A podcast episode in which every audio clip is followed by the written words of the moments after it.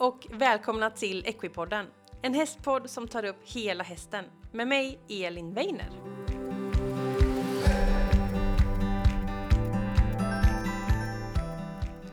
Det är med enormt stor glädje som jag hälsar just dig välkommen tillbaka till Equipodden. Jag har haft en jättehärlig sommar, mycket vila och är nu tillbaka med full kraft och energi och glädje att få göra nya avsnitt att släppa till dig. Hösten är alltid en lite tung årstid. Ja, det är inte min favoritårstid som ni kanske kommer ihåg och därför känner jag mig extra glad att få köra en säsong till med Equipodden där vi kan hitta massa intressanta gäster, massa ny kunskap som vi kan skapa i poddformat och skicka ut till alla er. Det är eh, så fantastiskt kul och jag är så glad att du väljer att lyssna på Equipodden så att jag kan få arbeta med det här.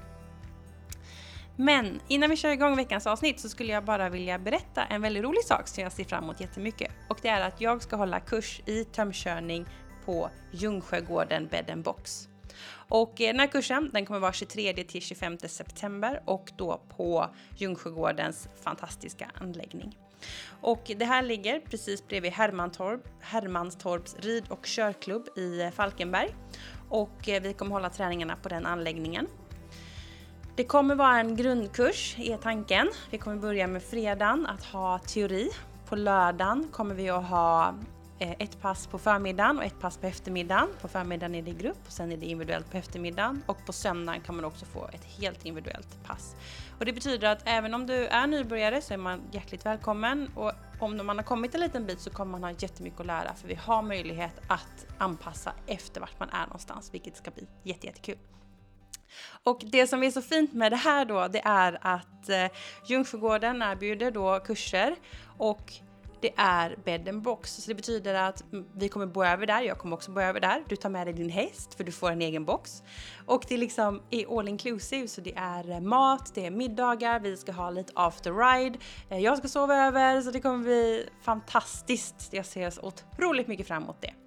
Så om du vill lära dig mer om tömkörning eh, så kan du eh, dels lyssna på avsnitten som jag har släppt här så får du lite tanke kring hur jag tänker kring tömkörning.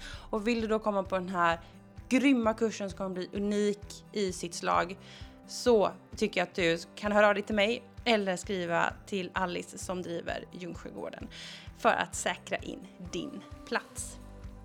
Men nog om det, vi ska kasta oss in i dagens avsnitt och dagens avsnitt är faktiskt en liten recap för jag tyckte det var så mycket bra verktyg och så mycket bra saker som kom i våras. Så jag har lyssnat dem igen för jag tyckte det var så kul och så har jag plockat ut de bästa guldkornen från vårens avsnitt och skapat ett litet recap avsnitt för er. Så det hoppas jag att ni ska tycka om. Så ja, vi kör helt enkelt igång med veckans avsnitt.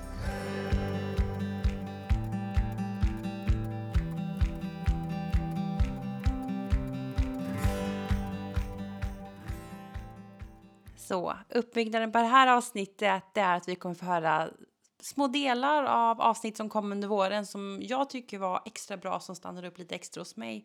Och vi började faktiskt våren med att prata om inridning för jag var nere och träffade Camilla Axelsson som driver Axelsson stall och eh, de håller på med inridning och rider in och förbereder för tester och vi gjorde ett avsnitt om inridning och ett avsnitt om hur man förbereder unghästen för att göra de här unghästtesterna då. Och här ska vi få höra en liten del av avsnitt 96 där vi pratar om inridning. Så här kommer Camilla Axelsson. Mm. Vi räknar i snitt eh, räknar vi sex veckors inridning. Mm. Det kan absolut diffa. Det kan alltså komma under fem veckor. Det är ganska sällan mm. man gör det. Mm. Då, tycker, då har man inte riktigt hunnit med alltid allting Nej. vi ska göra. Liksom, för och, det, det. Mm. och vi försöker inte skynda på utan vi håller ett, ett visst... Vi har ett schema vi följer vad som ska prickas av vecka till vecka. Och känner man att det är någonting hästen inte är med på då får man stanna kvar vid ett visst moment ett litet tag. Man kan inte bara hoppa vidare. Mm. Utan de måste hela tiden vara med och är de inte med då får man backa tillbaka och så får man göra om lite. Men, men, eh, men säg, alltså när vi kollar på det när året har gått så ligger vi på sex veckor. Mm. Sen som sagt kan det bli fem och det kan bli åtta. Mm. Och det, visst det finns det ju de som tar ännu längre tid som inte är redo helt enkelt. Mm. Och då envisas vi oftast inte utan då gör man ett, tills man kommer till en, en, eh, liksom en platå där man känner att här känns det som det har fastnat. Mm. Och sen får man bryta helt enkelt. Mm. finns ingen mening att bara hålla på och, och harva på liksom för att mm. de blir ganska trötta i huvudet och ja. tills kommer man inte längre bra helt Nej. enkelt. Eh, då är det bättre att ta paus på en månad eller två och sen så får man fortsätta igen. Liksom. Mm. Ja, de Men, är ju bebisar. De är bebisar och de är eh, individer. Mm. Eh, det är inte en som är den andra lik Nej. på något sätt. Mm. Utan man måste jobba lite, även om målet alltid är detsamma så finns det ingen riktig eh, liksom gör så här utan man måste lite känna in på varje individ. Mm. Även om jag sa innan att vi har ju alltid ett, eh, ett visst schema vi följer vad de ska göra liksom. Mm. Men vi räknar som sagt cirka sex veckor eh, på hösten och jag tycker att någonstans från hösten räknar jag från första september typ så. Eh, och sen någonstans däremellan fram till eh, första februari mm så tycker jag att inridningen bör ligga mm. så att de hinner med mm. att vila lite om de nu ska gå treårstest på våren. Mm. Så finns ju testerna förlagda under hela maj och juni månad och då hinner de med att vila och sen mm. komma tillbaka och göra sex veckor till. Just det. Eh, repetition. Ja, mm. för att göra om och repetera och träna upp, upp sig lite mm. och sådär liksom eh, inför visningen. Och för att hinna med sommarbete. Ja, jätteinspirerande. Om du har ungest du ska börja med till hösten här så kan jag verkligen rekommendera Camillas avsnitt. Och det vi lyssnade på här, där hon berättar lite om inridning, det är från avsnitt 96. Och på vårkanten, då, jag som göteborgare då, då är ju Gothenburg Horse Show ett givet kort. Och i år då, 2022, så blev det inställt på grund av den här otroligt tråkiga pandemin. Men vi i Equipodden fick ändå lyssna på Thomas Torgesson som är tävlingsledare, för han träffade jag och gjorde en intervju och han pratade om massa roliga grejer. Så är du ett Horse-show-fan, då ska du lyssna på det avsnittet och det är 101. Men en sak som stannade lite extra hos mig, det var Thomas berättade om lite minnen från de olika tävlingarna. Så här får vi lyssna på hans toppminnen från Gothenburg Horse Show. Jag tänker att eh, vi har pratat en hel del om evenemanget eh, som det är idag, hur man planerar och sådär. Men jag tänkte fråga dig Thomas, du som har eh, varit med så länge. Har du några, något eller några minnen som du skulle vilja dela med dig av som sådär sitter kvar från någon eh, tävling eller eh, något event eller någonting som har hänt under alla åren du har varit med? Ja, men det, finns ju, det finns ju många minnen och ibland har man ju svårt att sortera dem och sätta rätt årtal på dem. Och ibland inte. Men men lite milstolpar är ju egentligen eh, om man ska ta det lite i kronologisk ordning för att få ordning på tankarna så, så eh, vet jag ju säkert att eh, när vi hade första finalen och amerikanarna kom i ett chartrat transportflyg kom de amerikanska hästarna. Det var, det var helt så här som, som amerikanska husvagnar. Det var helt i, i rostfritt stål det här planet. Va? Ja. Så, så, att det, det blänkte som silver hela jäkla planet eh, och hade då 18 hästar ombord. Mm. Eh, och, och då var jag med ute på flygplatsen och hämtade dem. Jag körde en lastbil där som skulle ta med deras utrustning. Mm. Och ja, det är sånt där minne för att eh, dels för att det hade aldrig, så vitt jag vet, det hade säkert skett i travet eller något, men det hade aldrig flugit sin hästar till Göteborg liksom. och, och, och, och, sen så var det så att amerikanerna, de trodde att de skulle till Nordpolen. ja, det är klart. Så de hade med sig så jäkla mycket utrustning, så den här lastbilen jag körde, den var rätt stor ändå. Den blev helt full och vi fick ha fylla på i andra bilar för att få med oss allting in till arenan. De hade verkligen med sig allt, allt, allt, allt. Och det, flest, det mesta av det de hade med sig fanns ju redan på plats. Liksom. Men det, det var de jätteförvånade över. så att det är ett sånt där tidigt minne och, och otroligt att, att uh, ha varit med om. Och fortfarande idag jag var i USA, ja, idag ska jag inte säga för det är redan fyra år sedan, men jag var på VM i Tryon. Uh, så, så möter du amerikanska ryttare. De har givetvis också blivit några år äldre, Ja. eh, precis som jag. Som både känner igen den och kommer Nej. ihåg det där. Och som har coolt. kvar. Ja, det är jätteroligt. Verkligen fantastiskt. Eh, sen hade vi Sen vet jag att vi hade en dressyruppvisning till häst till eh, en dressyruppvisning till musik skulle jag säga, inte till Mm. häst. Eh, som, red en så kallad pas de deux, det vill säga att det var två ryttare som red en, en synkroniserad uppvisning till musik. Och det var förlagan till det sen, som sen blev eh, Kyr. Ah, nej. Jo. Nej, vad häftigt. Jajamensan. Eh, och eh, många inblandade men Joppe Bartels från Holland och Erik Letti från Sverige var några av de motorerna i, i hela den utvecklingen. Och det, det ändrade ju dressyren för evigt på något sätt. Verkligen. Eller hur? Så Wow. att eh, det, det var helt otroligt. Um, sen hade vi ju svenska, svenska framgångar givetvis hela tiden men när man stod och innan jag blev tävlingsledare så var min roll att stå i insläppet där hästarna gick in och ut och se Ja. till att det var rätt häst och ryttare som gick in och nästa. Så, så, Mm. så kallad ringmaster. Och det var jag i 18 år. Oj. Eh, och där, där vågar jag säga att där kunde man mäta lite utvecklingen även på svensk ridsport. Ja. Och på 70-talet då var det inte många ryttare som egentligen höll måttet överhuvudtaget och rida internationellt, ärligt talat. Ja. Eh, och eh, så blev det lite bättre och lite bättre men inte i någon galopperande takt precis. Men sen så någonstans där i 90-talets början så började det komma liksom nästa generation. Alltså vi hade Roine Zetterman, han hade framgångar redan på 80-talet för all del. Men sen kom Maria Gretzer, blev starkare och starkare. Hon fick Markoville runt 1990.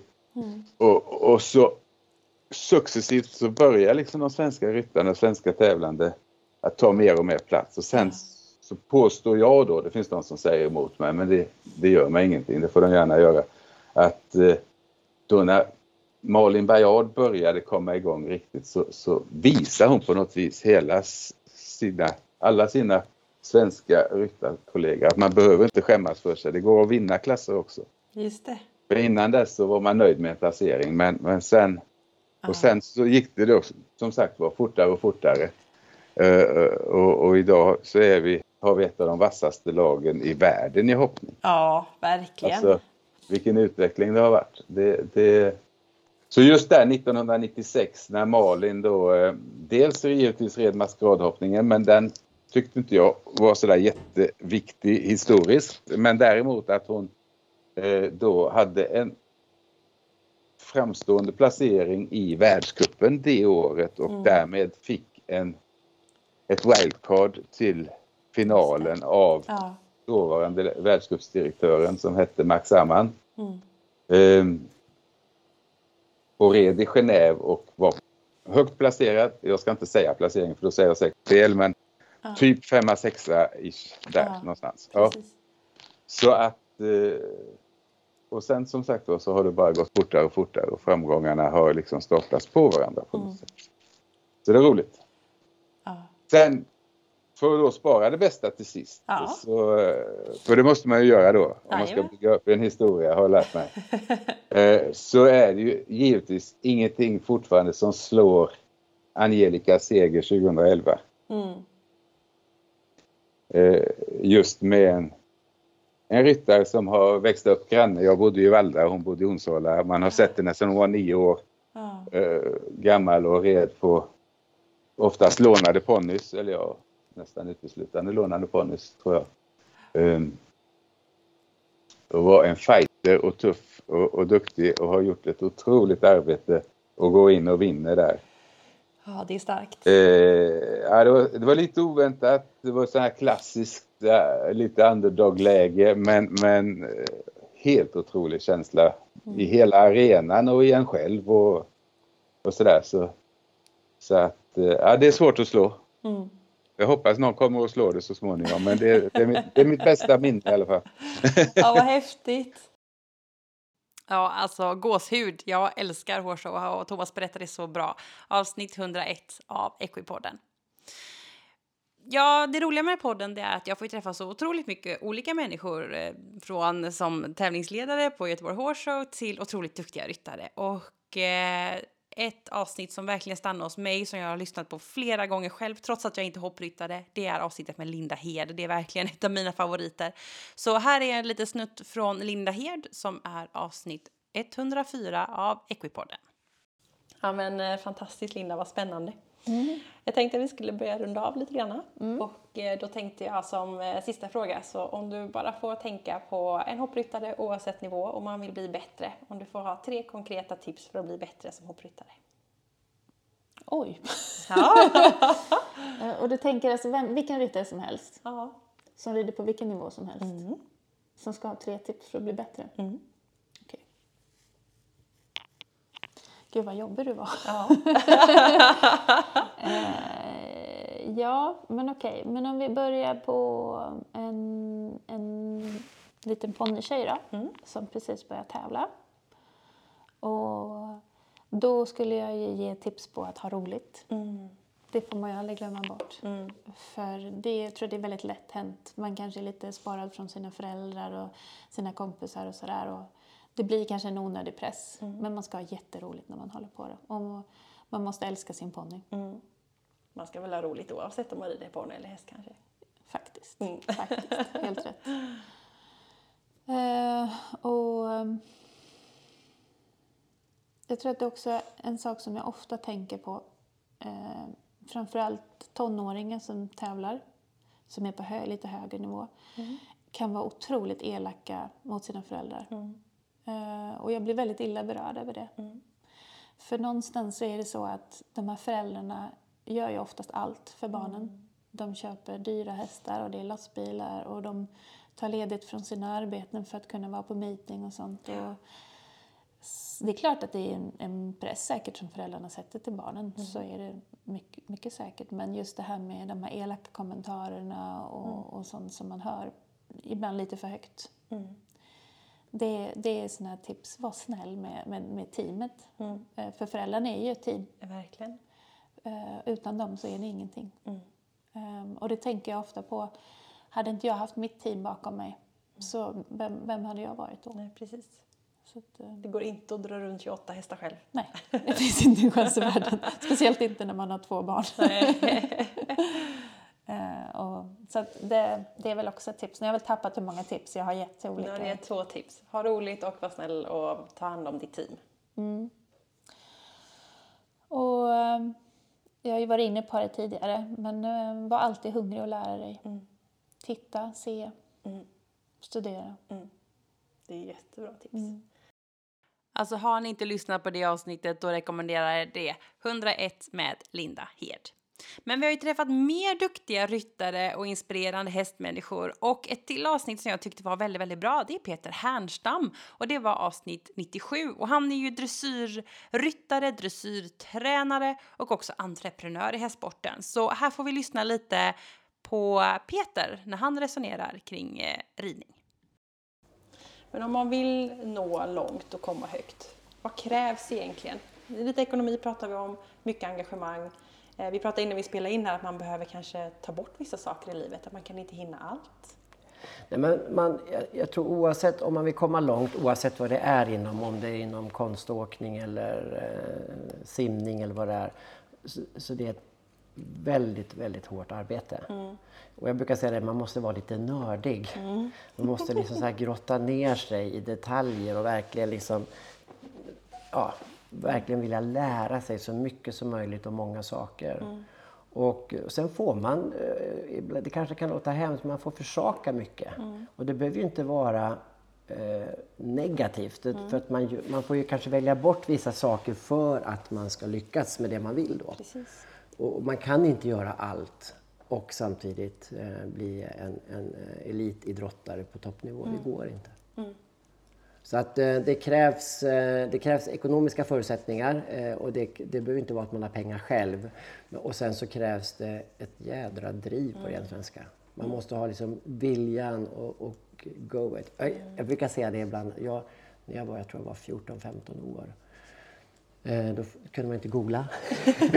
man kunde inte surfa på nätet. Eh, utan jag vet inte hur jag fick reda på det, men jag fick reda på att det var landslagsträning i dressyr för Walter Kristensen som då var Sveriges eh, förbundstränare då. I Flyinge, jag bodde i Härnösand. Och jag satte mig då på buss. Mina föräldrar var ju inte, inte de var ju intresserade men de var, hade ju ingen rid och hästbakgrund alls. Så satt mig och åkte buss ner. Bodde sen på ett vandrarhem liksom ett par kilometer från Flyinge. Så jag gick där varje morgon. Eh, Åkte ner då, åkte buss. ganska långt. Ja, det, är- det är långt, det är över 100 mil. Åkte buss ner till Flyinge. Satt där och tittade i tre dagar. Från morgon till kväll Wow. på läktaren. Och så gick jag till vandrarhemmet, bodde där, så gick jag tillbaka till Flyinge och sen åkte jag buss tillbaka. Och jag undrar hur många 14-15-åringar som skulle göra det idag. Eh, och det var just det att jag, jag, jag satt och tittade från morgon till kväll och tittade liksom när de tränade. Eh, och det, jag bara, jag tänkte, var, varför sitter inte fler? Varför är det inte fullt här liksom? Som sitter och tittar. Vad häftigt. Ja, men det, jag tror det är en liten skillnad kanske i dagens generation. Ja, Jag såg ett inlägg på Facebook med någon som skrev sådär att de letade medryttare tror jag och sa de att eh, alla vill att det ska vara serverat. Vart är de här ungdomarna som åker buss eh, 40 minuter enkel väg för att få rida? De är, de är borta. de är borta. Och det är, det, det är en annan tid idag såklart. det- Och, det, och, och, och det är inte bara negativt med det. Men, men jag, jag tror att man oavsett det så behöver man ha den här nördigheten och viljan att, att Det eh, lilla extra. vilja, jag, jag kan ju fortfarande kliva upp tidigt i morgon och sätta mig och titta på eh, när det är tävlingar internationellt och gå och titta på en framridning och sitta och titta. Eh, och det är inte så många som gör det. Och jag tror att man, om man ska bli duktig så måste man titta på de bästa. Man måste liksom ha viljan att lära hela tiden. Jättebra tips. Viljan att lära och att vara nördig, det är verkligen någonting jag har tagit med mig. Jag har skrivit upp det, var lite nördig. Eh, för att det är så bra inringat och när man lyssnar på så många duktiga ryttare så är det samma sak man kommer till. Man måste vara lite nördig, man måste grotta ner sig. Och Peter han sätter spiket på huvudet, eller vad säger man, eh, i det här avsnittet. Jättebra avsnitt nummer 97 av Equipodden. Eh, Vi har fler duktiga tränare med och ett avsnitt som eh, blev ett stor favorit. Det var jättemånga lyssnare som gillade det och det är Nora Kåle. Och hon eh, arbetar ju med kommunikation. Eh, grymt bra avsnitt. Så här får vi lyssna på en del av Nora Kåle som är nummer 109. Kan du inte börja lite grann? Vad är liksom grunden i din träningsfilosofi? Mm. Eh, alltså jag som person är mer känslostyrd än tankedriven eller så. Eh, så att för min del så det, har det alltid varit känslan och relationen till hästen som har varit det viktigaste.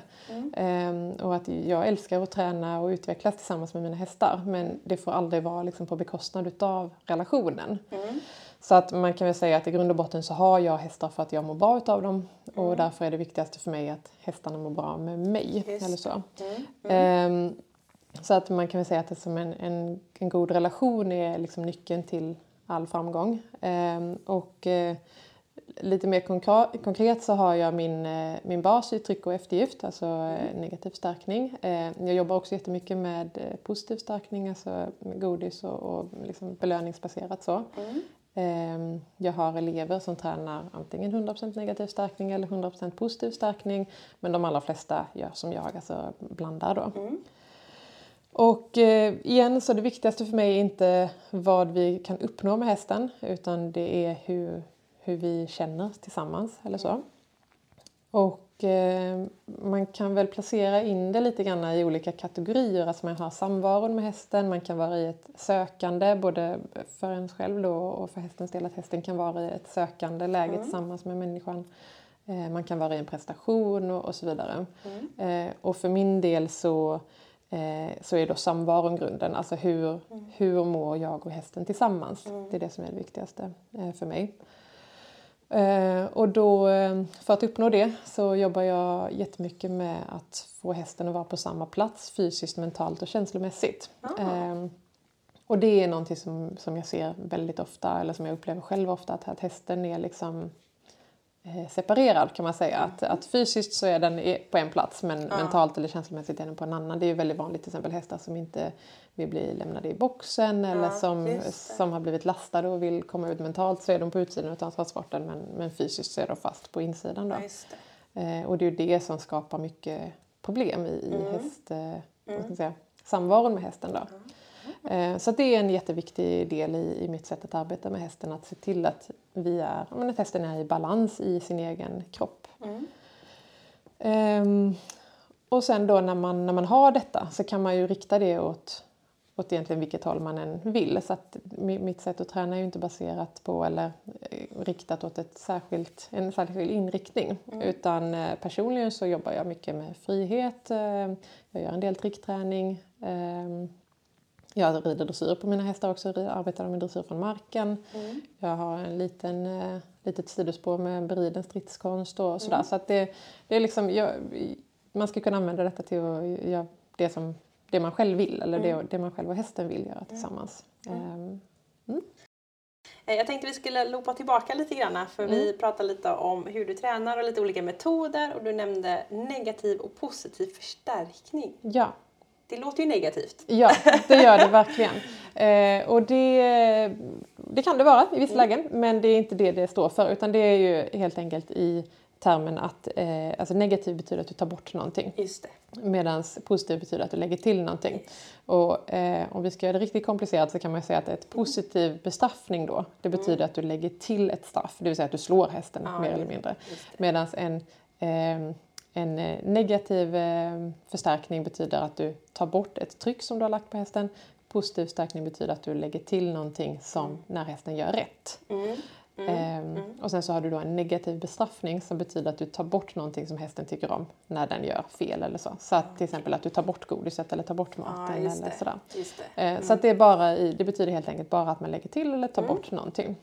Så att när jag säger att jag har grunden i negativ förstärkning så betyder det att jag eh, framförallt utgår från tryck och eftergift. Eh, och då i min, eh, på mitt sätt att arbeta så är det eftergiften som är det, det viktigaste. Det. Eh, att ha den här eftertanken och, och just att inte lägga på ett så stort tryck att hästen hamnar i ett stress. För det, Mm. precis om vi går- återgår till eh, traumat där så kan det många gånger bli så att vårt tryck är det som skapar en stress hos Just det. hästen. Det. Mm. Eh, Så att där är jag jättenoga med att det är just eftergiften som är det, det viktigaste i Mm. trycket och eftergiften. Ehm, och sen så, men som sagt, jag använder också mycket positiv förstärkning. Det som är viktigt att, att tänka på är bara att om man har lagt på ett tryck, släppt trycket och sen ger hästen en godis så är det inte positiv förstärkning. Då är det godis efter eh, Ah, okej. eftergift. Mhm. Men jobbar man med positiv förstärkning så handlar det om att eh, man bara lägger till när hästen gör rätt. då, Så att man belönar med godis eller kli eller, eller sådär. Eh, så att det, det, kan man, det får man lite separera när man använder positiv eller negativ förstärkning. Okej. Eh, och min upplevelse är att hästen kan skilja på det också så länge vi kan skilja på det. att inte man håller på och mixar allt för mycket men att man vet att i den här situationen så är det mer så att säga, upp till hästen att eh, bjuda till och, och komma med egna förslag och att jag kan förstärka det jag tycker om. Eh, Medan i andra situationer så, så vill jag mer att hästen följer min känsla eller sådär då. Kan du ge några exempel?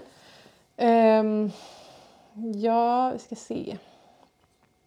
Ja, men ett, ett exempel kan ju vara till exempel vid eh, en lastningssituation då. Att, eh, där föredrar jag att använda mig av eh, tryck och eftergift.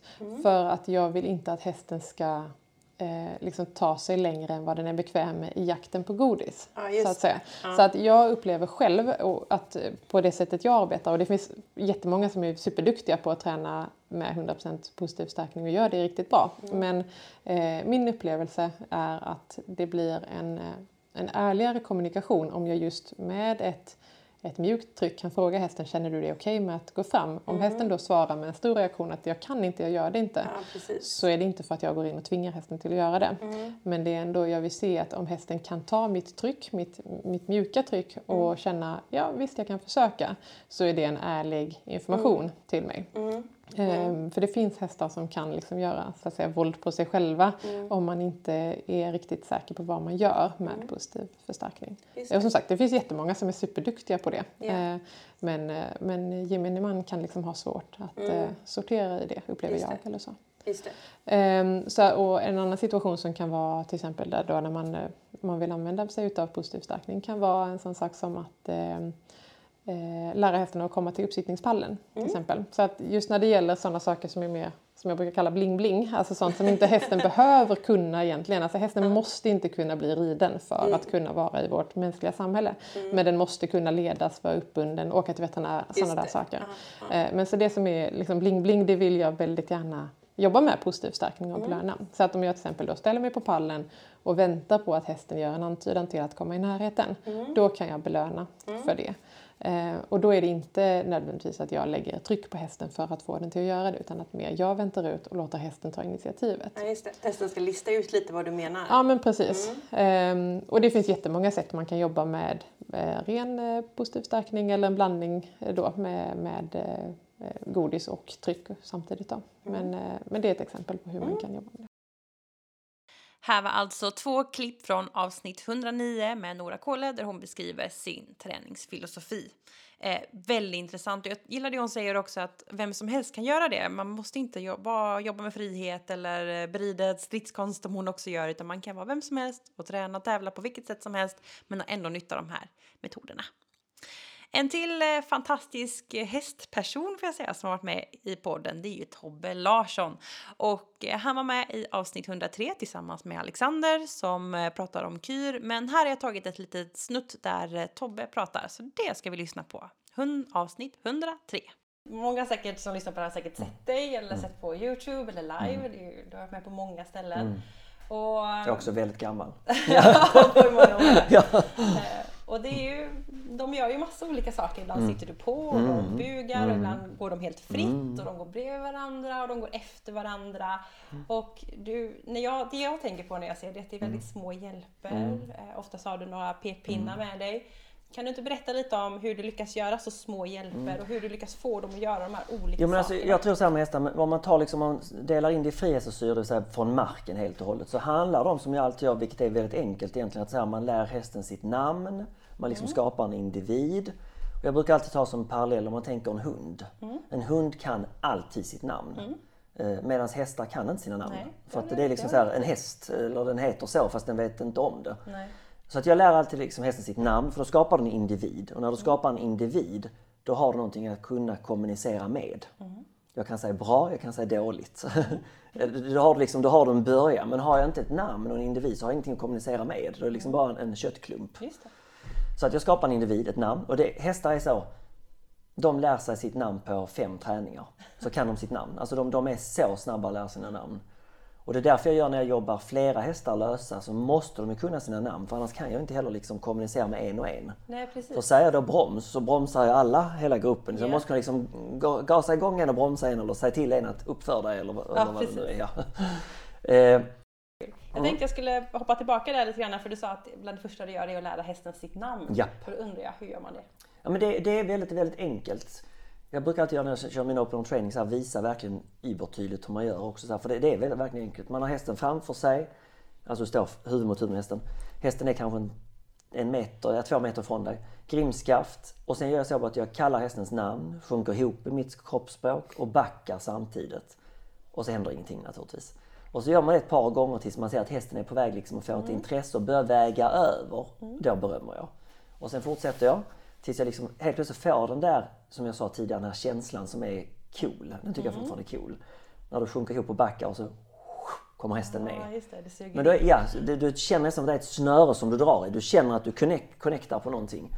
Och då är det återigen att säga att ett steg räcker, stanna och beröm. Och beröm då klapp, röst och ibland godis. Men framförallt att man inte liksom gör tio steg utan ett, två steg och sen vara nöjd. För det är där vi ofta människor har problem. Att vara nöjd. För har man då gjort det så kanske precis ens kompis kommer in i ridhuset eller på ridbanan och så tänker man jag ska visa. Och så gör man tio steg och så går det åt helvete.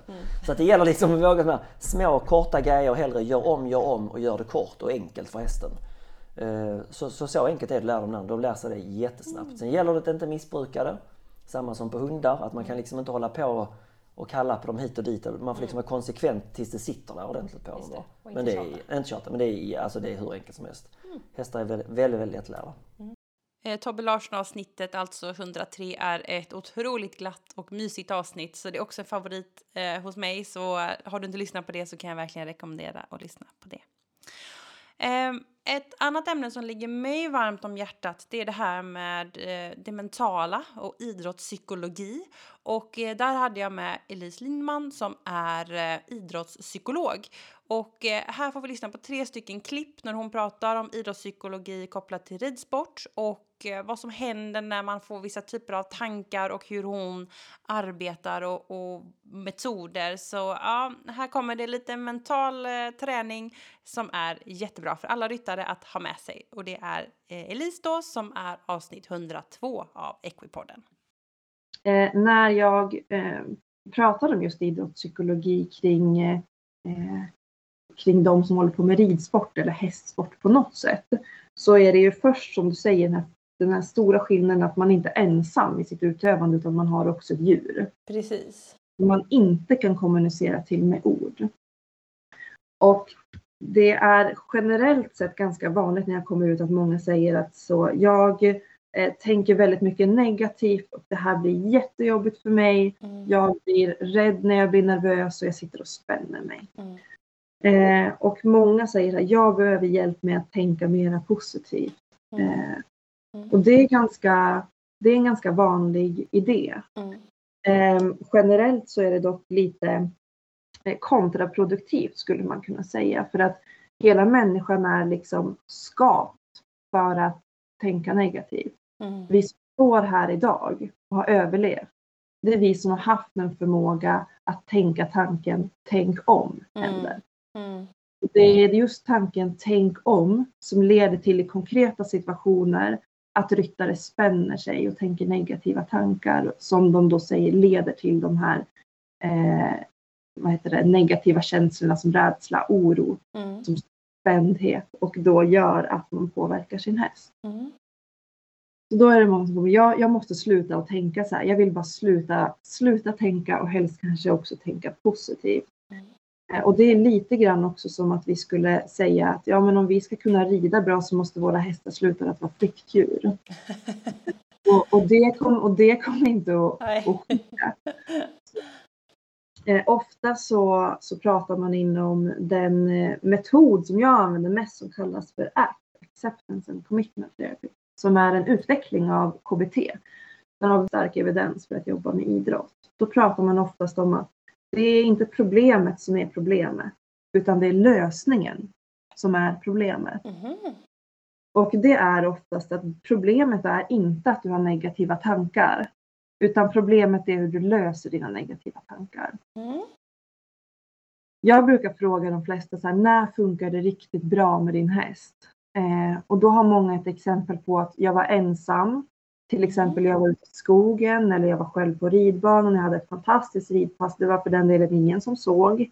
Eh, och eh, då undrar man vad var det som hände då? Det som oftast har hänt då det är att man har varit i någonting som man inom idrottspsykologin kallar för flow. Just det.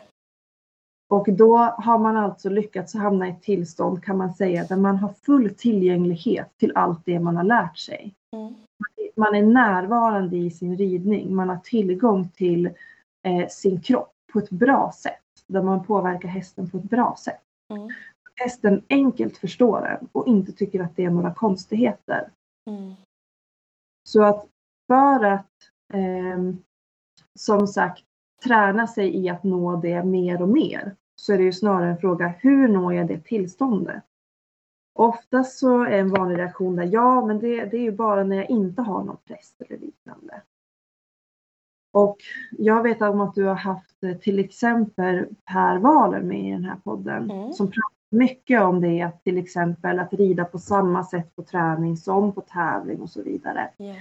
Eh, och det kan ju låta enkelt att säga eller sådär. Men att, att försöka att att hantera det här av att jag inte når flow på tävling utan det blir bara spänt och jobbigt. Det försöker många att hantera med kontroll. Just det.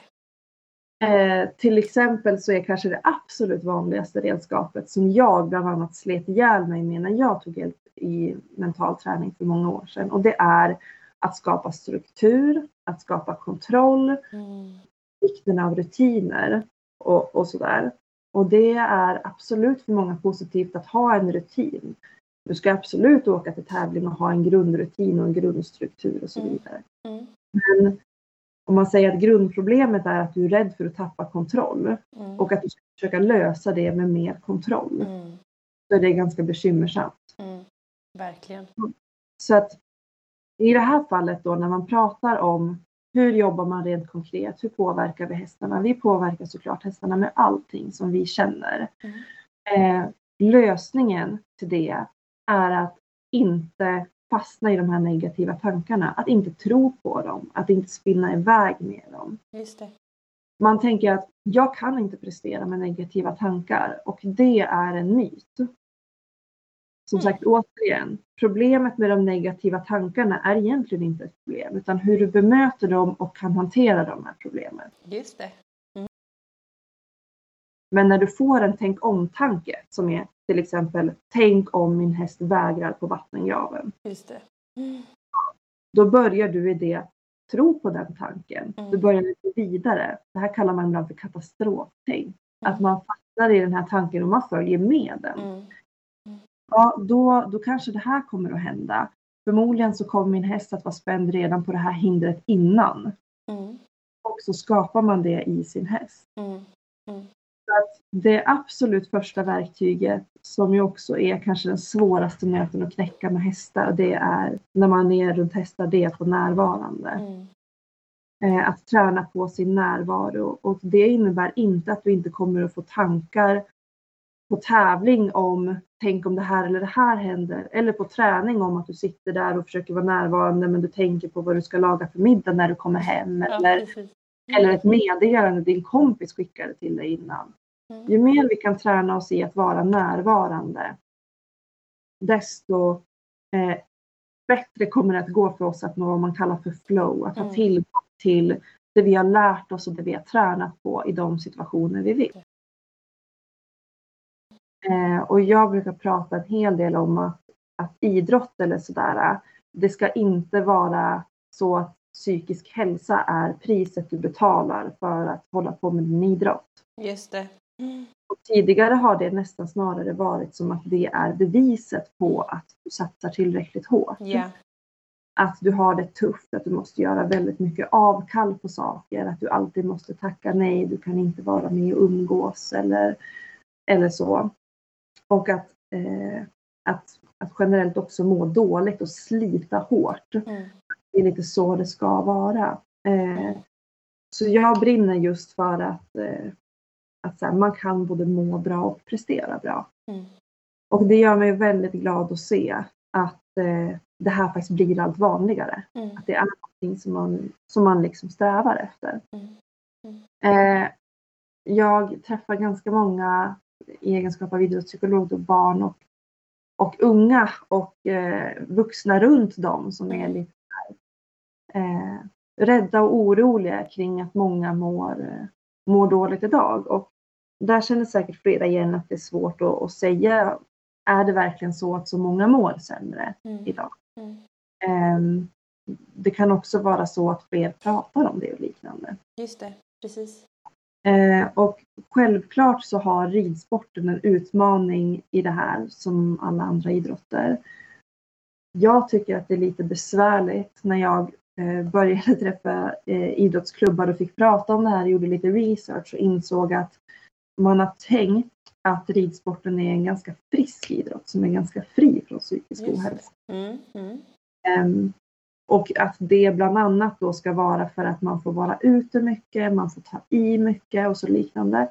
Ehm, man får vara lite smutsig. Mm. Ehm, att det ska vara att man tänkt att det här är, det är positivt, det är en Mm. anledning att många mår bra i idrotten. Och det är det ju säkert. Vi som håller på med hästar vet att, att det är eh, absolut en stor del av det hela. Men, men man har tyvärr sett i en del studier att eh, de idrotter som lite grann toppar när det gäller psykisk ohälsa det är till exempel ballett, gymnastik eh, och så där man mycket bedömer eh, kroppen, alltså bedömningssporten. Och ridsporten är också med ganska högt upp där. är det. Och eh, det finns ju flera skäl egentligen till det här. Det finns lite dålig forskning på exakt vad det skulle handla om. Men när man också lyssnar på de som vittnar om att de har mycket ångest, eh, kanske vad man kallar för ångestbeteenden eller, eller så, eller ångeststörningar som till exempel ätstörningar eller depression och liknande. Mm. Så, så verkar det dels som att det finns en ganska stor jämförelsekultur. Mm. Alltså att även om man till exempel håller på med hoppning, eh, där man kanske inte är i en direkt bedömningssport, eh, så verkar det som att det finns en stor jämförelsekultur. Mm. Det är också en materialsport, mm. inte bara i vilken häst du har, utan det är också en materialsport i form av att det är mycket utrustning som krävs. Yes. Det är dyrt mm. att rida. Mm. Eh, och det skapar också eh, en liksom svårighet i det här jämförandet. Mm. mm. Eh, just utifrån att man, eh, man ser också mycket saker. Man ser många andra som man jämför sig med och det är alltid någon som har en dyrare hjälm eller en bättre sadel eller liknande. Eh, så att det, det man ju då man jämför med samhället, vad som verkar kunna vara aspekter för psykisk ohälsa där jämförande är, är en del och där man blir bedömd eller så, så kan man se mm. att det är något som ganska ofta finns i ridsporten. Mm. Um, och att det även utanför tävlingsbanan kan finnas någon, någon form av ofta hierarki eller lite så. Mm. Tack och lov blir det ändå äldre och äldre, men det ska också vara någonting man har diskuterat som en anledning till att psykisk ohälsa i ridsporten är vanlig. Mm. Eh, tyvärr.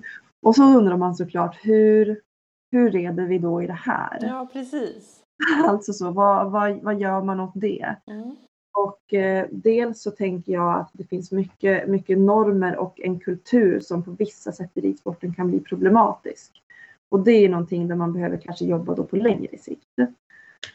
Men, men om man ska tänka på vad kan jag göra som individ och vad kan vi göra i våran, i våran ridklubb? Mm till exempel. Och där kan det ju vara viktigt att, eh, att försöka att dels bryta den här kulturen så mycket som man kan, men att också träna in ett klimat där man frågar varandra.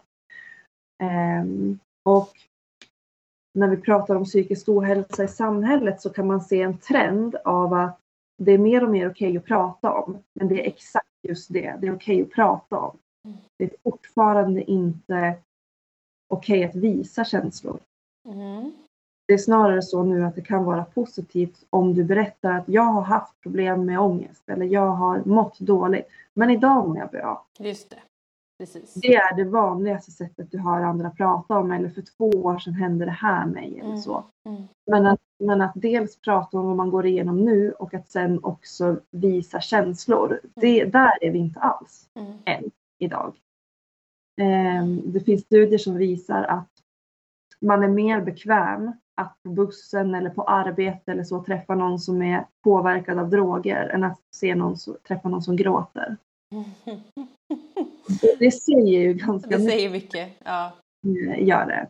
Så att det tänker jag också när vi är ute och pratar eller så här om att ibland när man har haft ett ridpass som har gått dåligt eller man, man kommer till stallet efter en skoldag och det har hänt någonting eller sådär. Många, eh, alla är ju liksom, har ju också ett övrigt liv förutom den tiden man är i stallet och mm. allt påverkar en ju.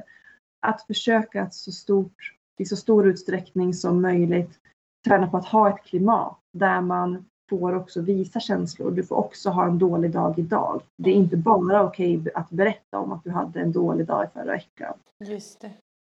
Eh, utan att du får komma till stallet och du får vara i stallet oavsett med vad du liksom bär på för dagen. Mm. Avsnittet med Elise 102, ett jättebra avsnitt eh, med det mentala för hon är ju grymt utbildad i och med att hon är idrottspsykolog.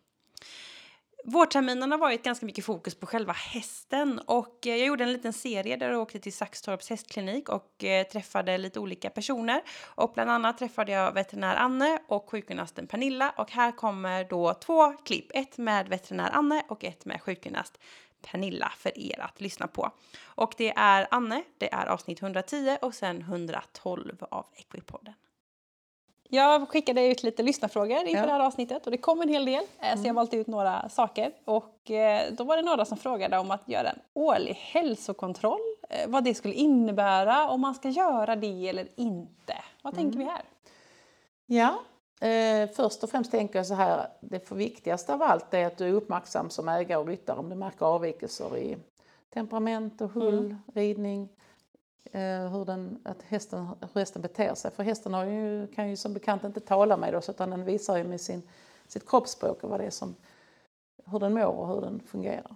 Så är du uppmärksam där och reagerar på små signaler, då tycker jag du ska, eh, som inte du kan förklara Mm. själv så att säga, så får du, tycker jag du ska söka veterinär som då kan eh, förhoppningsvis hitta problemet och Mm.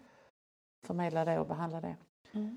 Eh, och sen kan det vara så att du känner dig oerfaren och kanske o, eh, lite okunnig kanske om på området och då kan det väl vara vettigt att, att eh, låta en veterinär kolla upp hästen, ja, förslagsvis då en gång om året kanske eller så. Mm. Och eh, gå igenom liksom rygg och känna igenom benen och ryggen och rörelsen och kanske rida den och så. Sedan rida Mm. och longera på lite olika underlag och så vidare. Det är det som brukar ingå då i en check, att man tittar på hästen rakt fram, longerar den på mjukt underlag, hårt underlag. Ofta, oftast gör vi böjprov, palperar igenom ryggen, känner på rörligheten i ryggen, ömhet i ryggen, halsen likadant, ömhet och rörlighet i nacken och halsen. Mm. Sen gärna även titta på ridningen då. Då har Mm. man ju liksom gjort en check. Riktigt. Mm. Sen kan man även till, vissa veterinärer använder en del blodprov och så. Det gör väl vi ibland också men det är väl mer eh, lite ovanligare kanske. Mm. Kanske mer om man misstänker att det är någonting. Ja, så. precis. Mm. Mm. Mm. Men eh, så det blir ja och nej på den frågan. Jag tycker inte du behöver göra en årlig hälsocheck om du känner dig väldigt eh, trygg med att du uppmärksammar din hästs signaler. Mm.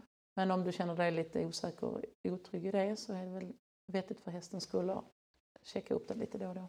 Just det. För det är ju väldigt svårt som hästägare Mm. att se små signaler. Ja, det är det. Och så är du hemmablind och så säger dina kompisar till dig, äh, den- så brukar hästar göra eller så där. Så blir du osäker. Eller. Så Mm. att, eh, Mm. För jag måste säga, du säger att det är svårt, det kan det vara, men jag måste säga att jag tycker att ni är rätt duktiga. Jag hör Mm. ofta, speciellt när ponny, ponnybarnet och ponnymamman kommer, så, så, säger, så säger mamman, ja hon sa redan för tre veckor sedan att det var något som inte stämde, men då sa jag, rid på bara. och, så, och sen har ju barnet liksom haft rätt ändå. Så att jag tycker nog att om du är, tränar din, eller lyssnar på din, känslighet så tror jag nog att du hittar rätt, Mm. hittar ganska rätt. Just det. Och också uppmärksamma att om man känner någonting Mm. så är det värt att kolla upp. Ja precis. Naturligtvis så kanske du ska, om du känner något en dag så kanske du låter det gå någon dag till och känner att du verkligen att det är manifest. eh, Du behöver inte ringa akut på kvällen. Jag vill inte släppa allt och åka direkt. Men alltså det är ju, ja. och det, man ska inte vara rädd för det. Därför är det bra att ha förtroende för sin veterinär. För jag, det händer ju, händer ju också att eh, folk kommer hit på det sättet och vi inte hittar något problem. Mm. Och de känner sig då ganska trygga med att de ändå har varit och checkat upp det. Just det. Så att det behöver ju Man vågar köra Ja, på då. man vågar liksom. Och säga Mm. att man vågar köra på, att man vågar åka till veterinären utan att man tror att man hittar något fel bara för att Just man ska det. hitta något fel. Det är inte så. Det förtroendet måste man ju ha mellan varandra. Precis, och man kan vara rädd att åker jag nu så kan det vara massa saker. Men, Ja, eh, många är ju rädda för det. Mm. Samtidigt är det ju lite stoppa huvudet i sanden. Precis. För man ska ju också som veterinär kunna bedöma, eh, alltså det är som när man besiktigar en häst, man hittar ju ofta många, ja, man säger, eh, avvikelser eller låt säga fel då eller, eller ja, onormala eller inte helt normala saker. Mm. Och det får man ju värdera vad det har för betydelse. Man Mm. behöver ju inte alls eh, vara jag menar det finns benbitar i leder som man eh, ignorerar helt och hållet för att de inte har någon betydelse och så vidare. Så man behöver inte man måste kunna värdera alltså avvikelserna om det hästen är så att säga användbar för det Mm. den ska vara till eller om den inte är det. Det finns ju otroligt mycket som hästägare kan göra för att få sina hästar att må bra. Mm. Och det är mycket på modet, man ska göra på det och man ska göra så, och man ska logera med den och inte med den. Och vad tycker du om sådana saker? Ja, eh, som sagt det är ju djungel där ute med saker överhuvudtaget. Utrustning ja, ja herregud. utrustning, fodertillskott, eh, precis. det är inte lätt att vara hästägare då. Det Nej. finns också en djungel av åsikter såklart. Ja. Eh, man ska välja vem man lyssnar på kanske. Mm. Ehm, generellt sett, ja det beror egentligen... Det som är fel, kan, som man kan säga som också ehm, ja, som vi ser skadorna av, det att, att fixera in huvud och hals Mm. för mycket. Mm. Det är direkt skadligt för hästarna, speciellt de här yngre. Vi har en avel idag med fantastiska rörelser och fantastiska förmågor så att säga. Mm. Men det är viktigt att komma ihåg att hästens vävnader och skelett och så vidare är inte alls eh, tidigare utvecklade, snarare nästan tvärtom.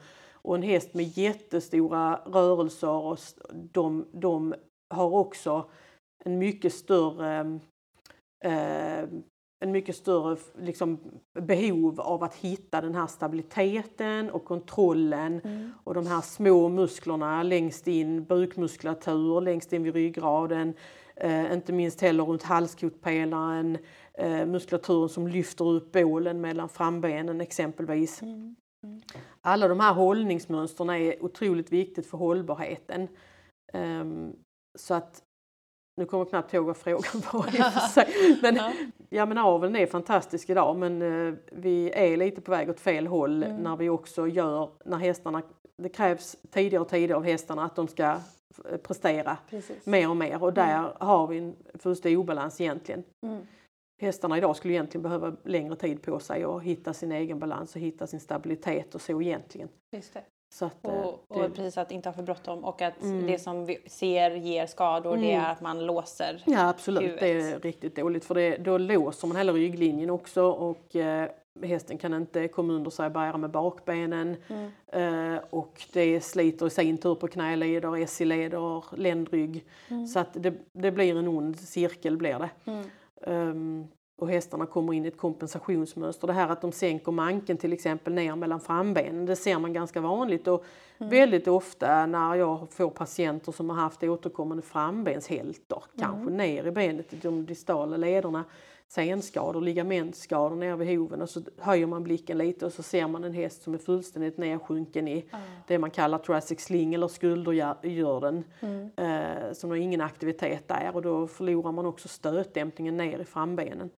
Och, då, eh, och det, och det, det är ett bra exempel på att man måste se på en helhet. Verkligen. För att om vi då inte, om vi bara fokuserar på den skadan som finns nere i benen och inte fokuserar på hästens hållning eller bärighet och, och bålstabilitet, det är ju det som det handlar om också, just att de kan använda sin bål och, och eh, komma upp med den mellan frambenen så man får en vettig stötdämpning i hela systemet. Att, att det får inte vara någon dysfunktion någonstans. Eh, om vi inte gör något åt det så kommer vi ju dras med de där skadorna i nedre benet alltså. Så att det, det måste man fundera vidare på. Och, och eh, det är ju ändå så att hästar vet vi ju alla att de är experter på att göra sig illa kanske. Eh, det är de ju. Ja. Men det är också så att det vi ser med ortopediska problem då här på kliniken och det man ser skador i hästar så är det det vi gör med dem Mm. som ger dem problem. Mm. Så att vi måste vara ödmjuka Mm. mot oss själva där. Just det. Så vill man höra mer så tipsar jag om eh, detta avsnitt med Anne som är 110 av Equipodden och Pernilla 112. Två grymt bra avsnitt. Vi har haft med en veterinär till och det är Ylva Rubin och hon är ju hästodontolog så hon är ju det här med tänder. Så här får vi lyssna lite på Ylva när hon pratar om ja, det hon är bäst på, hästtänder. Och i avsnitt 113 så gjorde vi fokus på utrustningens påverkan på hästens mun, alltså bett och nosgrimma. Så här får vi lyssna på en snutt från Ylva som är avsnitt 113 av Equipodden. Och uh, om man vill, ska ha något i munnen då? Vad har vi då? Jo, men då tänker jag ju då, man har ju det här stela bettet som Just man det, varierar med. först. Mm. Och ett bettlöst alternativ. Sen kanske man vill ha någonting som passar mer grenspecifikt. Mm. Eller om man har särskilda önskemål. Eh, I dressyren så nu för tiden får man ju rida dressyr på stela bett. Så det är Just det. ganska många som gör. Ja, men det var inte så länge sedan Inte så länge sedan faktiskt. när man inte fick göra det. Och då fanns det, då fanns det ju två ett bett som hade en led eller två leder. Det var ju det man hade att välja på. Typ. typ. Eh, nu kan man välja lite mer. Man får använda sig då både utav stela bett men man får också använda sig utav ledade bett. Eh, och där tycker jag själv att de, de som har två leder eller tredelade bett eh, är att föredra i de flesta fall. Eh, de är lite svårare för hästen att fixera, alltså lyfta upp och hålla fast. Har man ett bett med bara en led är det så lätt för hästen att bara vika bak den så håller den fast bettet. Har man två leder då är det liksom lite svårare att hålla kvar bettet där. Eh, jag tycker också att det ligger lite mjukare i munnen. Det blir ju lite mindre vikeffekt när man har två leder än om man har en led. Så att generellt så tycker jag att det är att föredra men man ska ju då tänka på att den här mittdelen är mjuk och lite avrundad. Att det inte blir några eh, stora konstiga ringar någonstans eller knölar eller det finns ju plattor och alla möjliga konstiga saker man har, kan ha på mittdelen men då är det mycket större skaderisker. Så i första hand tycker jag man ska välja en sån här mjuk, avrundad, ja, äggformad eller vad vi ska kalla det, Ja, droppformad mellandel. Eh, fasta eller lösa bättringar är ofta en smaksak. Men om man har en häst som är lite orolig kan det vara många som tycker att de fasta bättringarna ligger lite, Ja, lite stabilt. lite stabilare. Eh, och är man orolig för att sin häst ska nypa sig i mungiporna så kan man ju ta ett par fasta bättringar. Jag förordar ju att bettet ska vara kort. Det ska bara precis få plats i munnen och sen ska bättringen komma. Eh, och det är ju just för att bettet ska ligga still i munnen. Och är det långt då är det mycket större risk att det skramlar runt och åker lite hit och dit och det är lättare att man får nypskador utav ett för långt bett. Eh, tänker man att man så småningom ska ha ett kandar på hästen då är det också bra att ha, ha vant den vid att ha ett ledat bett i munnen. För när man har kandaret så får man inte ha ett stelt bridongbett eller precis. underlagsbett utan då måste man ju ha ett ledat bett. Eh, och då har man ridit hästen på ett stelt bett då är den ju också van att ha ett stelt bett i munnen eftersom stången är ju stel. Eh, och ska man ha kandar i munnen, kandartillpassning är lite en, en helt egen vetenskap i sig. För om jag då säger att hästen inte har någon plats i munnen för att ha ett bett så har den naturligtvis inte mer plats i munnen för att ha två bett. Nej, bara för att man kommer upp i klassen. Nej, det är inte så att det skapas, eh, skapas mera plats för att hästen har lärt sig lite byte från skolor. Ja. Eh, och ska man ha en rimlig chans att få plats, då utgår jag alltid från underlagsbettet. Se till att jag har ett så kort bridongbett som det går att ha i den hästens mun. Och sen har jag ett stångbett som är rakt, ingen port eller tungfrihet eller något sånt. Och jag ser till att, det, att stången är så lång så att bridongen kan ligga rak innanför överskänklarna. Just det. Mm. För då kan betten ligga nära varandra och parallellt.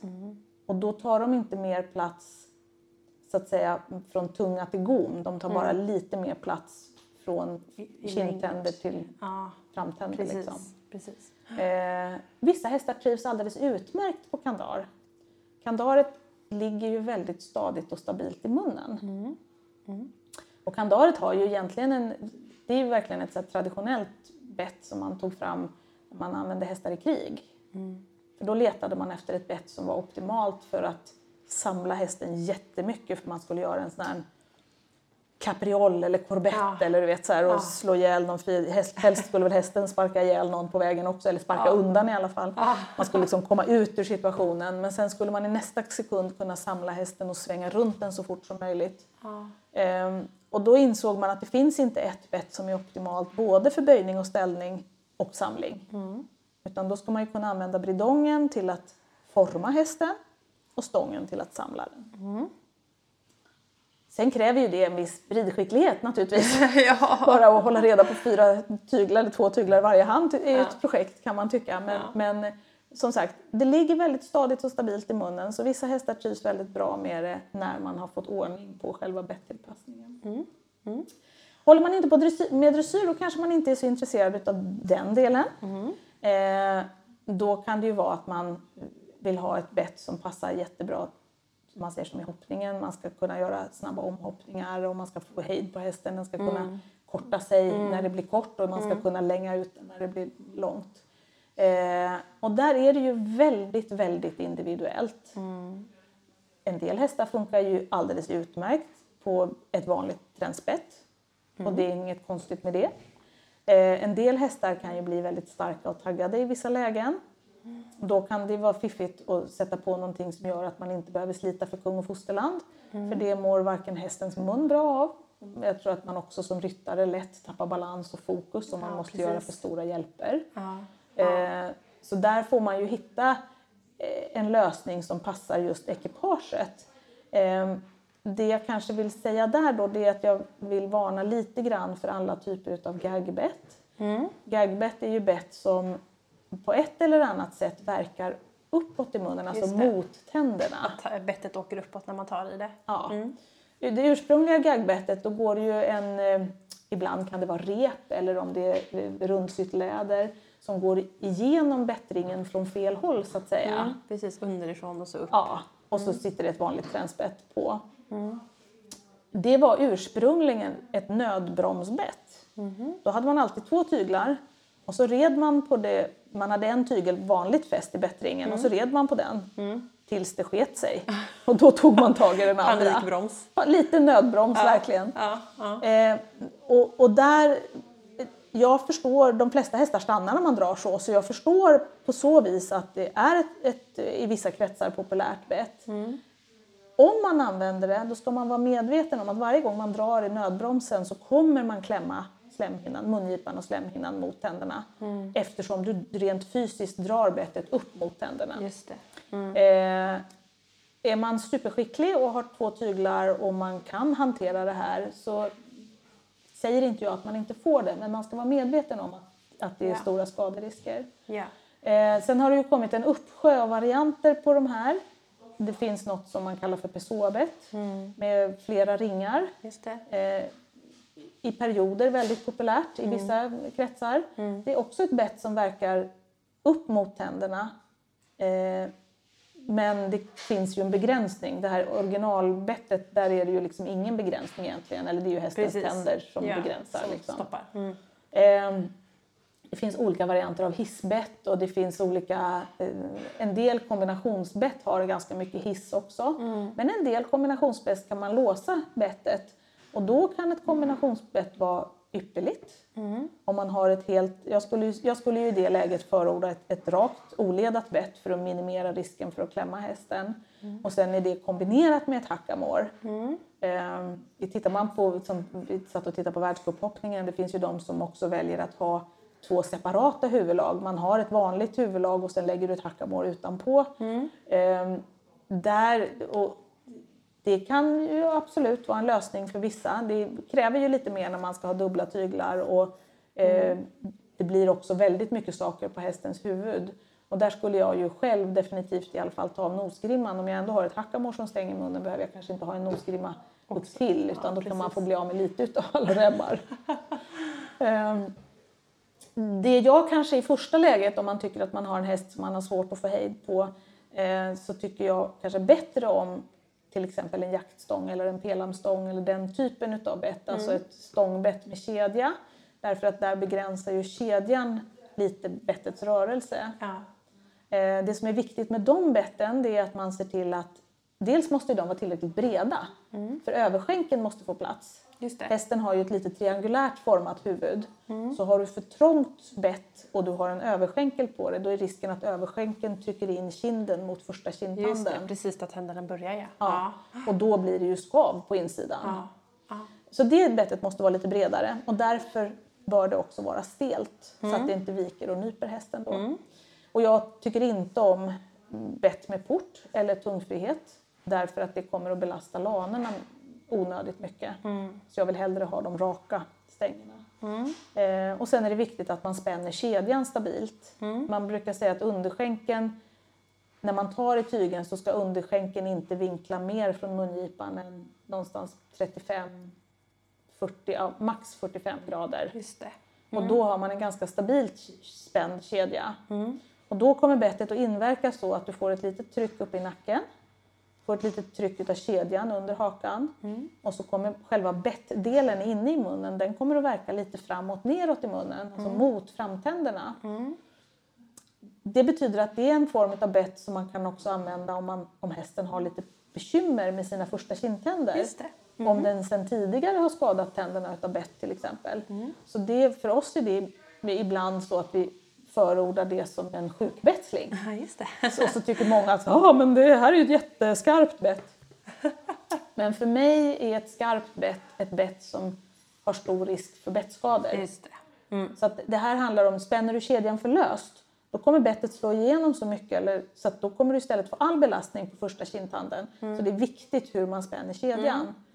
Är hästen väldigt känslig då kan det vara bättre att man vadderar kedjan. Det finns ju olika typer av såna här kindkedjetunnlar och Ja. i både så med gel eller med, i läder eller i gummi eller i, ja det finns ju en massor. Ja, precis. Så det är lite en smaksak. Eller man får ju prova sig fram till vad som passar en själv. Sen tycker jag att det är positivt att man också sätter på en skumrem på de här betten. Yes. Som förhindrar underskänken att i något läge komma över mungipans plan. För det är så tunga bett så det är lätt att om hästen fipplar runt med bettet lite eller skakar på huvudet eller så. Om bettet då åker upp och sen landar på tungan då kan de få en liten överbelastning på lanerna och så blir hästen lite rädd för bettet. Ja, precis. Det blir konstigt. Ja, så att det, för lanerna är otroligt känsliga. Där De täcks ju bara utav så att säga, skelettet och så kommer benhinnan och så kommer slemhinnan. Det finns ingen vaddering där alls. Nej, precis. Så får de en överbelastning på lanerna så får de väldigt direkt en benhinnereaktion. Och det gör ont. Det vet alla som har haft benhinneinflammation. Ja. Man blir jätte... Eller om, man, obehaglig känsla. mm, eller om man har sprungit in i soffbordet och då hoppar man på, typ, på ett ben ett tag. Ja, ja. Så, så man, ska vara, man ska vara försiktig med det. Hästarna är otroligt väl innerverade i munnen.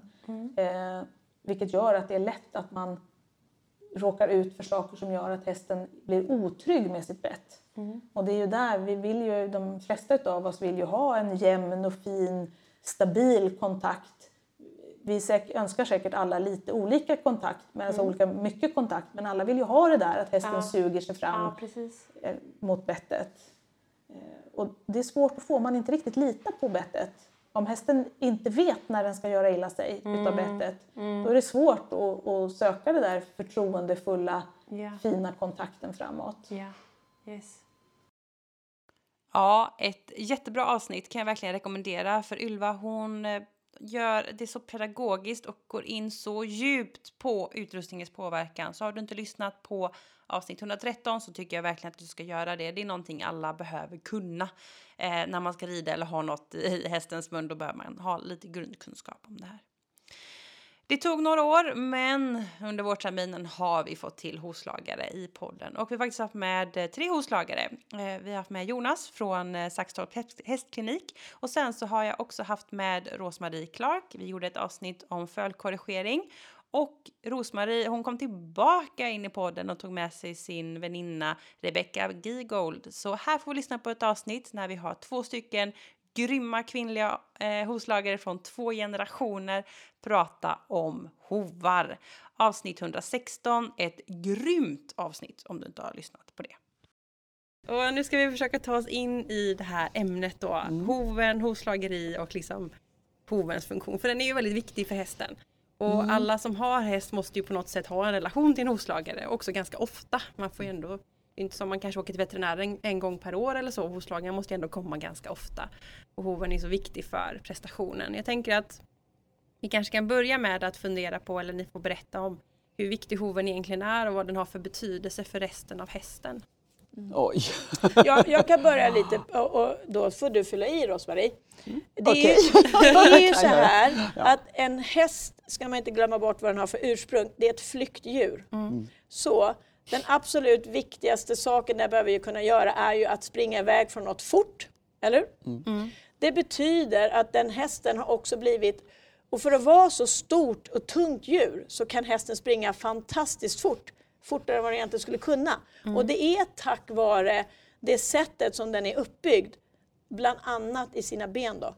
En sån här kunskap som väldigt många inte kanske tänker på och faktiskt kanske inte ens känner till är ju att under hasen eller framknät, det vill säga carpus och tarsus, har hästen inga muskler till exempel. Utan det är bara senor och ligament. Just för att de ska kunna vara så effektiva som möjligt i det här. Det betyder också att alla vet ju att en hov är ju väldigt liten och ett ben i förhållande till hela det här stora tunga djuret. Så då förstår man ju hur känsligt det blir och mycket belastning som kommer på varje del. Därför måste allting fungera i perfekt harmoni. Annars så uppstår, uppstår skador. Och det är också så snillrikt gjort så att allt vad hästen gör är också deras, de skapar sin egen stötdämpning. Mm. Och det är det som är så häftigt och det är detta som gör det så komplext. Mm. Och sen då när vi människor får för oss att göra massa saker, till exempel sätta på skor, sätta på brodd, eh, skor i olika material, då är det egentligen rätt onaturligt för hästen. Men vi måste ju göra det ibland för slitaget till exempel. För att vi bestämmer att hästen ska gå på asfalt eller grus eller gå så här, så här mycket. En häst går ju bara det den behöver om den hade varit vild. Och man kan ju inte jämföra kanske en vild häst med det som vi vill använda den till. Hoppa jättehöga hinder eller mm, gå i dressyr eller trav eller galopp. Självklart att den kan vara barfota också under rätt förutsättningar. Så vi måste, det har kommit in väldigt mycket det här med barfota nu. Ja. Och vi, vi har haft den historien också för länge sedan att man plockar av skor och så och man använder boots och man börjar hitta nya sätt att se det här på. Och det vi gör också när vi sätter på traditionellt då en vanlig järnsko så förhindrar vi massa rörelser i hoven som den behöver för att den inte ska skada sig kanske längre upp i kroppen eller benet. Och så. Vi sätter ju stötdämpningen ur funktion. Ja, precis. Och det. det. ja, och, det, och det är så viktigt att eh, komma ihåg att tänka, va, va- jag brukar alltid säga till mina elever som jag har, du måste först tänka på varför ska du sko hästen och vad gör du när du skor hästen? Och bara stoppa ner en söm i ett sömhål genom hoven, då har du ju flyttat runt lite saker för att den där sömmen ska få plats. Det. Det är en sak. Och sen har du ändrat förutsättningarna för hästen när den sätter ner foten, när den glider, när den tar upp och underlaget och name it. Det blir en tyngd på den som den inte har från början. Och det här är ju någonting man måste hela tiden ta hänsyn till och avväga också vad är det jag håller på med. B- Bara när vi börjar att använda våra hästar. En häst av naturen har ju en viktfördelning som är 60% på framdelen och 40 bak. Eh, när vi sätter oss på hästen som ryttare, inte bara skorna påverkar, bara att vi får för oss att sätta oss på dem eller sätta på en vagn ändrar ju alla de här förutsättningarna. Och det får vi- man inte glömma bort helt enkelt. Men det är också så att det finns två skäl till varför vi en gång i tiden för många, för, för, jag ska inte säga för hur många hundra år sedan det är för jag vet faktiskt inte exakt. Men det är väldigt länge vi har skott hästar. Och eh, det var ju två skäl varför vi gjorde det. Och det ena var slitage och det andra var grepp. Ja, just det. Sen har vi ju också en sjukbeslag där man kan hjälpa hästen med olika sjukdomar. Men, men från början är det de två, och det ska man aldrig glömma bort, att det är de två anledningarna till varför vi sätter på skor Just på det. hästar idag. Och vi använder hästen ganska annorlunda idag mot säg 200 år sedan om vi kanske började sko då. Och då skulle jag vilja inflika en sak. Jag, eh, Det är vi, det, ja, det är så här att eh, vi har eh, eh, en avel. Vi avlar, vi människor, hästarna har inte betäckt sig själva, utan vi människor bestämmer, åh den där hoppar jättehögt så vi använder den hingsten till alla de här stona. Eh, den där springer jättefort, så använder vi den för att de ska springa fortare. Men det vi kanske inte har tagit hänsyn till är hur fötter ser ut egentligen. Och ingen, det är klart, självklart att eh, en häst med krokiga ben kan springa fort, men eh, man måste också tänka på, ska det här verkligen hålla? Inte lika länge. Nej, inte lika länge. Och då har vi människor lagt oss i. Så om vi skulle ta alla de här hästarna och släppa ut dem nu så skulle inte alla klara sig. Nej. Därför är det vilda om det är så att säga vildhästar, sådana som alltid lever ute och betäcker sig precis som de själva vill. Då finns det ju de som går, stupar och går under och blir djurmat till något annat djur. Ja, precis. Och då överlever de här med bästa fötterna, för det är ju väldigt viktigt Precis. att de har bra fötter. Mm. Men vi människor har räddat dem. Och det är precis det som jag också tyvärr har hållit på med, om man ska säga, och du också i viss grad. Att vi räddar fölungar som är, är krokiga och dåliga. Och så blev den jätte, jättebra. Men eh, samtidigt har vi egentligen gjort naturen en, en nackdel. Vi har Precis. liksom räddat någonting som inte hade överlevt ute. Bara för att. Och det är också, man måste ta hänsyn till de här sakerna. Vad är det för hästar vi har? När man tänker så här, åh nu, nu vill jag ha min häst barfota. Okej, det kanske inte går så bra. Just det. För att vi har ändrat så mycket. Vi har redan Ja. ändrat så mycket. Precis. Människan styr evolutionen och det naturliga urvalet. Precis, det är bara att titta på hästarna, de har blivit mycket, mycket högre, mycket längre Ja. ben. Och jag tittar lite på islandshästar. När jag började, började och såg min första islandshäst, då var den 1,30. Idag är den över 1,50. Vad Ja. hände? Ja, det- Och då har vi ju ändrat det för att det ska passa oss, Mm. inte dem. Mm. De ser helt annorlunda ut idag än vad de gjorde för 40 år sedan. Just det. det. går inte ens att jämföra. Just det. Känns som att jag säger att allt är grymt, men det är så bra. Jag gillade det här avsnittet jättemycket. Härligt prat med två fantastiska oslagare och det är då avsnitt 116 av Equipodden. Ja, hörni, klockan går faktiskt iväg, men jag har ett klipp till som jag vill få in och det går ju inte att göra ett recap utan att ha med Vivica Evarts från Svensk Hästrehab. Eh, under vårterminen gjorde vi tre stycken avsnitt. Vi gjorde två stycken frågeavsnitt i januari och sen framåt sommaren så gjorde vi också ett avsnitt eh, dedikerat till Equiband. Och det är det jag har plockat ut ett litet avsnitt ifrån och det är avsnitt 115 där Vivica pratar om eh, Equiband som ligger henne väldigt varmt om hjärtat. Men med studier då. Eh, det finns egentligen inga, eh, ehm, det finns inga stora studier. Nej. Det gör det inte. Och överlag när man tittar på fysioterapi för hästar så finns det inte så jättemycket liksom, studier med varken eh, material eller metodiker eller verktyg eller så utan det, oftast är det ju kanske studerat mer på, på celler eller på andra djurslag eller så. Och så även då liksom med, med ekiband. Det finns inte jättemycket studier. Eller de studierna som finns är, eh, det finns tre stycken studier som är gjorda på, ja vi pratar liksom 6-7 hästar. Så det är liksom, Det är väldigt lite, det är ja. väldigt lite ja. Så Ja. redan där kan man ju egentligen om, om man är lagd sådan att man tror inte på någon studie om den inte är gjord på ett väldigt stort eh, antal så kan man liksom redan där avfärda allting egentligen. Eh, men oavsett, det finns tre studier. Eh, någon som är gjord 2015, någon 2016 och sen så någon ganska nyligen 2021. Och de är då gjorda på 6-7 hästar ungefär. Och alla de här de studierna är gjorda på ekiband, spefi- specifikt ekiband, just det materialet som Mm. är i banden.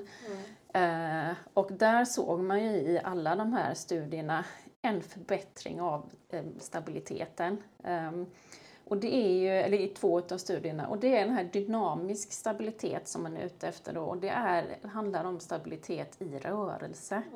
Eh, och det är mycket det som är orsaken till eh, skador som uppstår, eller motsatsen då, en instabilitet. När det börjar skramla i leder, som man Just det. kallar det för. Ja, ja. Eh, Så vad vi behöver hjälpa hästar med, nästan alla moderna sporthästar och även eh, an- andra hästar då som råkar ut för skador, är att vi behöver hjälpa dem att stabilisera sig. Och dynamisk stabilitet är då att man klarar av att stabilisera sig i rörelse. Det vill säga inte bara stå rakt upp och ner Mm. utan att man, man kan eh, hantera sin kropp i, i rörelse. Och då såg man det, i den ena studien så fick hästarna jobba med ekiband över fyra veckor. Eh, och det är väl lite så det kanske är tänkt använda. Eller förlåt, inte kanske tänkt. Det är så det är tänkt att användas. Att man ska använda det ö- över tid och, och se en förbättring i hästen då. Och här såg man över fyra veckor en signifikant förbättring av eh, den dynamiska stabiliteten i ryggraden. Mm. Och sen så finns det en mindre studie då som var gjord 2016 här i Sverige faktiskt, tror jag till och med. Och där såg man också att det fan blev en stabilisering av bröst och ländrygg. Eh, och här tror jag faktiskt att jag har hört eh, att eh, eh, man såg också att om man bara använde bakbandet så var inte det så fördelaktigt. Nej. Utan om man bara använder bakbandet eh, utan att man då har liksom aktiverat magen på hästen så kan det bli en sänkning av ryggen. Okej. Mm. Ja. Och om man, eh, nu ska vi bara se så att det här blir tillräckligt visuellt eftersom Mm. vi har en podd. Mm. Men om du Mm. tänker dig att du står på ett gym. Säg att du står lutad mot en vägg med händerna mot väggen Mm. och sen så står du där med ett eh, elastiskt band runt knäna Mm. och du jobbar med benet bakåt. Mm. Om du inte har spänt magen, kan du förnimma då att du liksom hjälper alltså att du får en svank. Ja, Ja. precis. Eh, Men om du gör samma övning fast någon först har tagit till dig, spänn magen. Precis, eller någon står och petar lite Ja, på magen. peta så. lite på magen. Spänn. Spänn, magen, Ja. ha med magen nu. Kontrollera först din bålstabilitet. Ja. Sen lägger du på bakbenet, eller liksom att, Ja. att jobba bak. Då får du en helt annan. Ja. Så om man inte har med sig magen Ja. först Ja. s- så blir det en helt annan rörelse. Ja. Då börjar kroppen hantera motståndet på ett annat sätt. Eh, Så att där är ju liksom verkligen viktigt. Jag sätter aldrig bara bakbandet Mm. på någon häst. Väldigt ofta bara magen. Mm. Men aldrig bara bakbandet. magen. Mm. Eh, ja, sen där såg man också då stabilisering. Och sen så gjorde Mm. man en em, studie nu runt eh, någonstans eh, 2021. Och där använde man också sex hästar och där såg man en signifikant aktivering av raka magmuskeln. Mm. Och det är ju lite det man, och det ser man ju oftast för ögat också Ja. när man sätter på ekiband att, att det blir, man ser den här maglinjen lite Precis, grann. vid, sid, Ja. vid sidan så. Ja, precis. Eh, Så de här tre studierna är ju gjorda på ekiband helt enkelt. Och det Mm. har man sett. De är inte stora men man har sett. Man ser ändå, Man ser ändå den. förbättringar, liksom. Ja, Mm. precis. Mm. Och sen så finns det då en studie som är eh, ehm, den är väldigt orättvis. Mm. Eh, och den eh, cirkulerar ju en del i eh, eh, ja, sociala medier och sådär. Eh, framförallt av folk som är skeptiska Mm. till ekiband. Mm. Och eh, jag tycker ju då att eh, Ingen skugga ska ju... Den här är svensk. Också? Ja. Ja, den Mm. är svensk. Eh, och den är väl gjord av studenter på SLU och ingen skugga ska falla på de som har gjort den för att man är nyfiken och vill veta och vill göra en studie. Så. Däremot handledarna kan man väl tycka då att om man tar en produkt och ska göra en studie som sen ska ligga ute till allmän beskådan så tycker jag att man ska vara ganska noga med vad är det man tittar på? Vad är Ja. det som är syftet med produkten? Kan det här på någonstans liksom Mm. kan det här bli fel? Mm. För där tog de eh, också ekiband. Eh, de tog sju ridskolehästar. Mm. Eh, där fem av hästarna var mellan 15 och 19 år. Mm. Och det är, ganska, det är ganska gamla hästar, eller Ja. relativt gamla. Ja. Eh, och de har gått på ridskolan mellan 10 och 15 år. ja, det är länge. Det är, alltså, då pratar vi egentligen hästar så, och, och inget, alltså, inget ont om ridskolor. Det finns jättemånga ridskolor som har hästar som är i jättefint skick och, och, och så vidare. Men det kanske inte är så att de jobbar i sin bästa form genom hela liksom. Mm. Precis. Och är du 19 år och har gått på ridskola i, i 15 år Mm. ehm, så är sannolikheten att, att du har en ganska mycket grejer i kroppen kanske som en sån häst hade jag eh, aldrig satt på Mm. mer än magbandet. Aldrig någonsin båda banden på en sån häst. Eh, och tanken är, det de ville titta på i den här studien var om det ökar symmetrin, Mm. rörelsesymmetrin på hästarna att sätta på ekiband. Mm. Och det är ingen som har sagt att det liksom ska pang öka rörelsesymmetrin Nej, bara du sätt, så fort du sätter på det. Så att de fick ju, alltså ingen utav hästarna, Ökade sin symmetri? nej tvärtom, de rörde sig sämre allihopa. Mm. Men det hade jag kunnat säga med en gång. Mm. Sätter jag på båda banden på, på den här typen av häst så kommer det bli Mm. värre. Mm. Dessutom så hade de spänt banden eh, med en kraft som motsvarar 3 kilo runt magen Ja, det är mycket. och 2 kilo runt rumpan. Ja. Och bara för att få en känsla för hur mycket jag själv brukar spänna så spänner jag kanske magen 700 gram ja, det är stor skillnad. och rumpan runt 400 gram. Så det, he, hela, den, hela den studien är så orättvis. Den är Mm. orättvis mot produkten, den är Mm. orättvis mot hästarna Mm. och den är liksom orättvis. Det är ingen som har sagt att hästarna ska få en bättre rörelsesymmetri bara för Mm. att du sätter på banden. Framförallt inte äldre hästar, framförallt inte ridskolehästar och framförallt inte när du spänner banden så hårt. Mm. Mm. Så att på, alltså på äldre hästar, vi kanske tar bara magbanden ett, en, länge Mm. och de kanske aldrig blir symmetriska. Det, är liksom, det här är ju en Ikeband är ett, en produkt som du liksom ska titta på. Vad behöver den här hästen? Vad kan den klara av? Är det en äldre häst? Vad har den gjort innan? Mm. Alltså vi kan hålla på hur länge som helst mm. bara för att få... Och sen över tid så kanske den kan bli symmetrisk om det är det som är mm. syftet. Just det.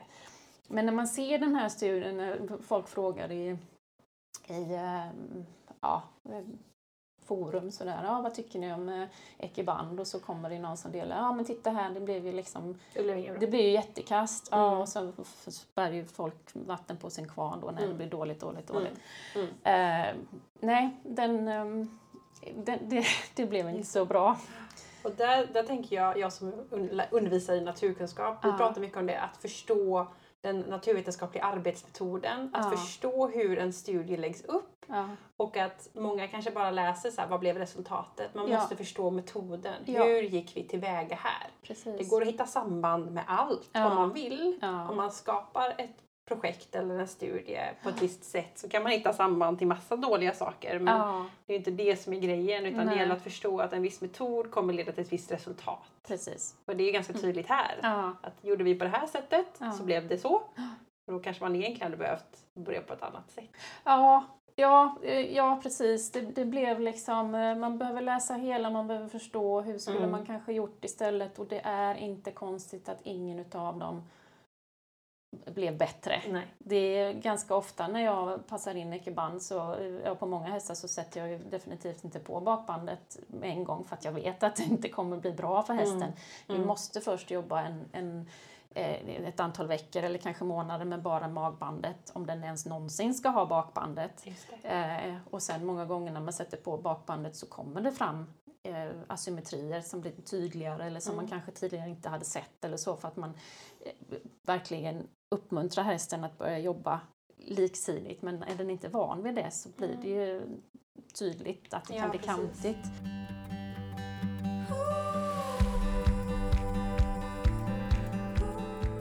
Ja, där var alltså höstterminens första avsnitt till ända. Bra jobbat! Det blev lite längre än vad jag planerade men det var så mycket bra grejer som jag bara var tvungen att få in i det här avsnittet. Ehm, jag vill tipsa om att följa Equipodden på sociala medier. Där kommer det verkligen dyka upp massa grejer under hösten.